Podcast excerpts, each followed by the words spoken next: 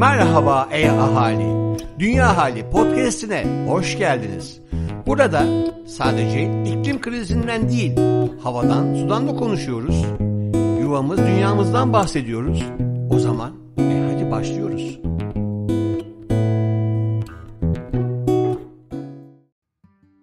Herkese merhaba, ben Çağıl Kaya. Dünya Hali Bülteni'nin 31 numarasını seslendirmekten dolayı mutluyum.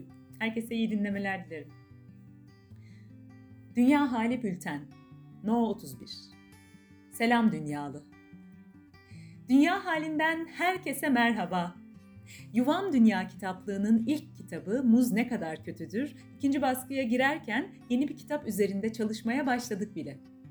İzmir'de kurulacak 5 güneş enerjisi santraliyle engellenecek 232 ton karbon salımı, Hindistan'ın tek kullanımlık plastikleri terk etmesi ve diğer güzel gelişmelere dair detaylara Yuvam Dünya Instagram hesabında yer alan Dünyadan iyi Haberler seçkimizden ulaşabilirsiniz. Keyifli dinlemeler.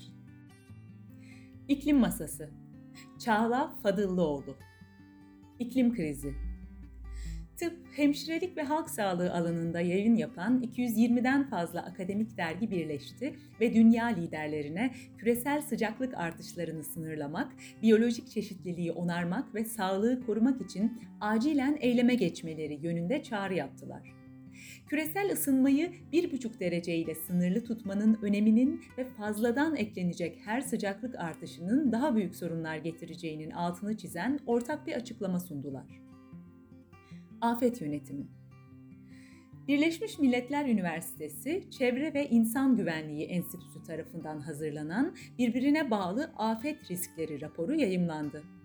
Raporda 2020-2021 yıllarında etkili olmuş 10 büyük afet analiz edildi. Raporun önemli bulgularından bazıları şöyle. Afetler başka bir afetin oluşmasına veya daha da şiddetlenmesine sebep olabiliyor. Afetler aynı anda gerçekleşerek felaketlere hazırlanmayı zorlaştırabiliyorlar. Afetlerin temelinde ortak nedenler var. Nedenleri ortak olması, çözümlerin de ortaklaşa ve bir bütün içinde ele alınması gerekliliğini ortaya koyuyor.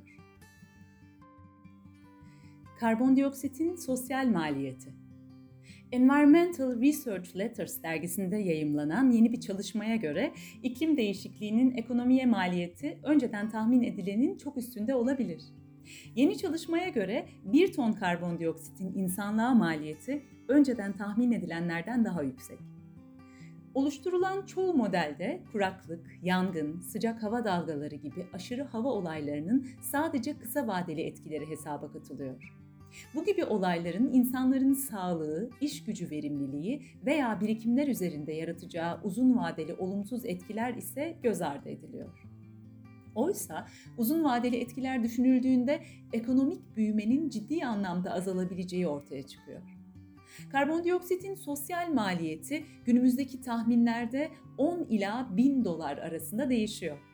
Yeni çalışma ise 3000 dolara kadar çıkabileceğini gösteriyor. Yeşil Köşe Mirgün Cabas Ormanın Aklı Milas ve Köyceğiz'deki yangınları takip ettiğim günler hafızamda sepya tonlarında kaydoldu. Havadaki kül ve duman, baktığım her yeri, gördüğüm her şeyi sarı bir filtreden geçiriyordu. Dönüp dönüp aklıma gelen, güneşin günler boyunca kızıla dönen rengi. O gün kömüre dönmüş ağaçların fotoğraflarını, haberlerini gördükçe aklıma düşen bir şey var. Son zamanlarda ormanlara dair haberdar olduğum en etkileyici şeyin hemen ardından ormanlarla ilgili bir trajediye tanık olmam, bunun dönüp dönüp aklıma gelmesine yol açıyor. Haberdar olduğum dediğim şey ormanı saran ağ. Ağaçların köklerini toprak altında birleştiren, besin paylaşmalarını, birbirlerine bakım yapmalarını sağlayan bir yeraltı sistemi. Bugün Wood Wide Web olarak anılan bu ağa dair araştırmalar 1990'ların başında ormanların alt bitki örtüsü üzerine çalışan Susan Simmert isimli bir orman ekolojistinin gözlemleri üzerine başlamış. Göknarların paraziti gibi görünen kuş ağaçları söküldükçe göknarlar arasındaki kayıplar artıyormuş. Simmert, ağaçlar arası bu dayanışmanın aracını ve yöntemini bulmak için ormanın zemininde mikroskobik bir araştırmaya girişmiş. Sonuçta mantarlardan uzayan aşırı ince iplikçikleri bulmuş. Bu iplikçikler kesişip olağanüstü karmaşıklıkta ve genişlikte bir ağ oluşturuyorlarmış. Mikorizal diye adlandırılan mantarlardan uzanan lifler bitki köklerinin uçlarındaki hücrelere bağlanıyor, bitkilerin birbirlerine moleküller aktarmalarını sağlayan bir dağıtım şebekesine dönüşüyordu. Bu sayede bitkiler ve ağaçların kökleri son derece girift bir yeraltı sistemiyle birbirine bağlanmış oluyordu. Bu ağ sadece aynı türden bitkileri ve ağaçları değil, kökü toprakta olan tüm canlıları birbirine bağlıyordu. Göknarlar sanılanın aksine ürettiklerinden ve huşların göknarlardan çaldığı düşünülenden daha fazla karbonu huş ağaçlarından alıyordu. Yeraltı ağı sayesinde. Bu ağ, ağaçların ormanda yeraltı kaynakları için rekabet halindeki bireyler olmadığını, birbirleriyle konuştuğunu, orman aklı denilebilecek ortak bir zekayı oluşturduğunu gösteriyordu. Hatta bazı yaşlı ağaçlar, bazı küçük ağaçları himayelerine alıp besliyordu. Simard'ın ulaştığı sonuçlar ve açtığı yol öyle önemliydi ki yeraltı ekolojisi üzerine araştırmaların patlamasına neden oldu. Ormanların yanışına tanık olurken bitki örtüsünün yer altındaki ağında nasıl bir iletişim trafiği yaşandığını tahmin etmeye çalıştı. Hayatta kalmak ve birbirlerini yaşatmak için ellerindeki kısıtlı imkanı nasıl kullandıkları. Yangınların ve ardından gelen yeniden yeşermenin oluşturduğu binlerce yıllık acılı döngünün yeni bir aşamasına girdiklerini biliyorlar mıydı? Parçası oldukları doğanın ritmine mi bırakmışlardı kendilerini? Belli ki sonsuza dek kızıl bir güneşin altında yaşamak zorunda kalmamak için yapmamız gereken bir şeyler var. Dijital laboratuvarlarda insan zihnini sayısallaştırmaya, bilgisayarlara aktarmaya, sinir hücrelerini kopyalamaya çalışırken bir yandan da doğada yerin altında gizli orman zekasıyla bağ kurmaya da çalışmak kötü bir fikir mi? Fazladan bir çaba harcamadan, sadece ağaçların altında oturup toprağı eşeleyip hissederek, ağaçlar arasındaki ağın bizim parmak uçlarımızla da düğümlenmesine izin vererek, Köşe Bucak Dünya Profesör Doktor Levent Kurnaz Evimiz yanıyor. İklim krizini durdurabilmek için bireylere düşenleri kısaca üç başlık altında toplayabiliriz. Gereksiz tüketimi sonlandırmak, özellikle hayvansal ürün tüketimini ciddi biçimde azaltmak ya da durdurmak, özel araç ve uçak kullanmamak. Bu üç başlığa çokça itiraz geliyor. Çünkü bunlar hemen, kolayca ve canımızı fazla sıkmadan gerçekleştirebileceğimiz şeyler değil. Günde kişi başı 29 gram hayvansal protein aldığımızı düşünürsek dünya tüketimi 230 bin ton protein oluyor. Bu da 890 bin ton dana etine karşılık. Senede 3 milyar 250 milyon danaya karşılık gelir.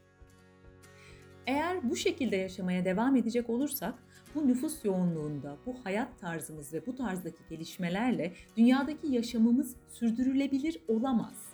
Bu nedenle düşünce yapımızı acilen değiştirmemiz gerekiyor. Bizler değişikliğin önem sıralamasını ve aciliyetini tam olarak kavrayamıyoruz. İnsanlık bugün çok önemli bir dönüm noktasından geçiyor. Eğer bu dönüm noktasında doğru adımlar atarsak dinozorlardan farklı bir geleceğimiz olabilir. Bundan dolayı alışkanlıklarımızı değiştirmemek için öne sürdüğümüz tüm nedenleri baştan değerlendirmemiz gerekiyor.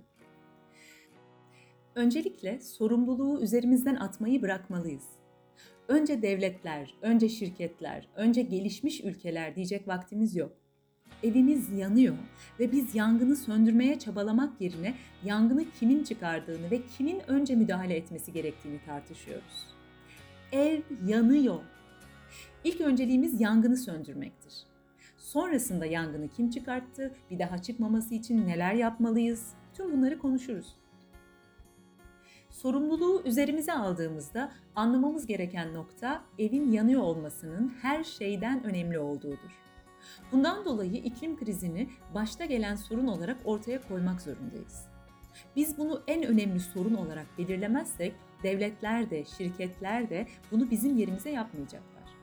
Elbette evimiz yanarken kayıplarımız olacak ve düzenimiz değişmek zorunda kalacak. Ama öncelikli olan olabildiğince çok kişiyi kurtarmak ve mal kaybını da en azda tutmaktır.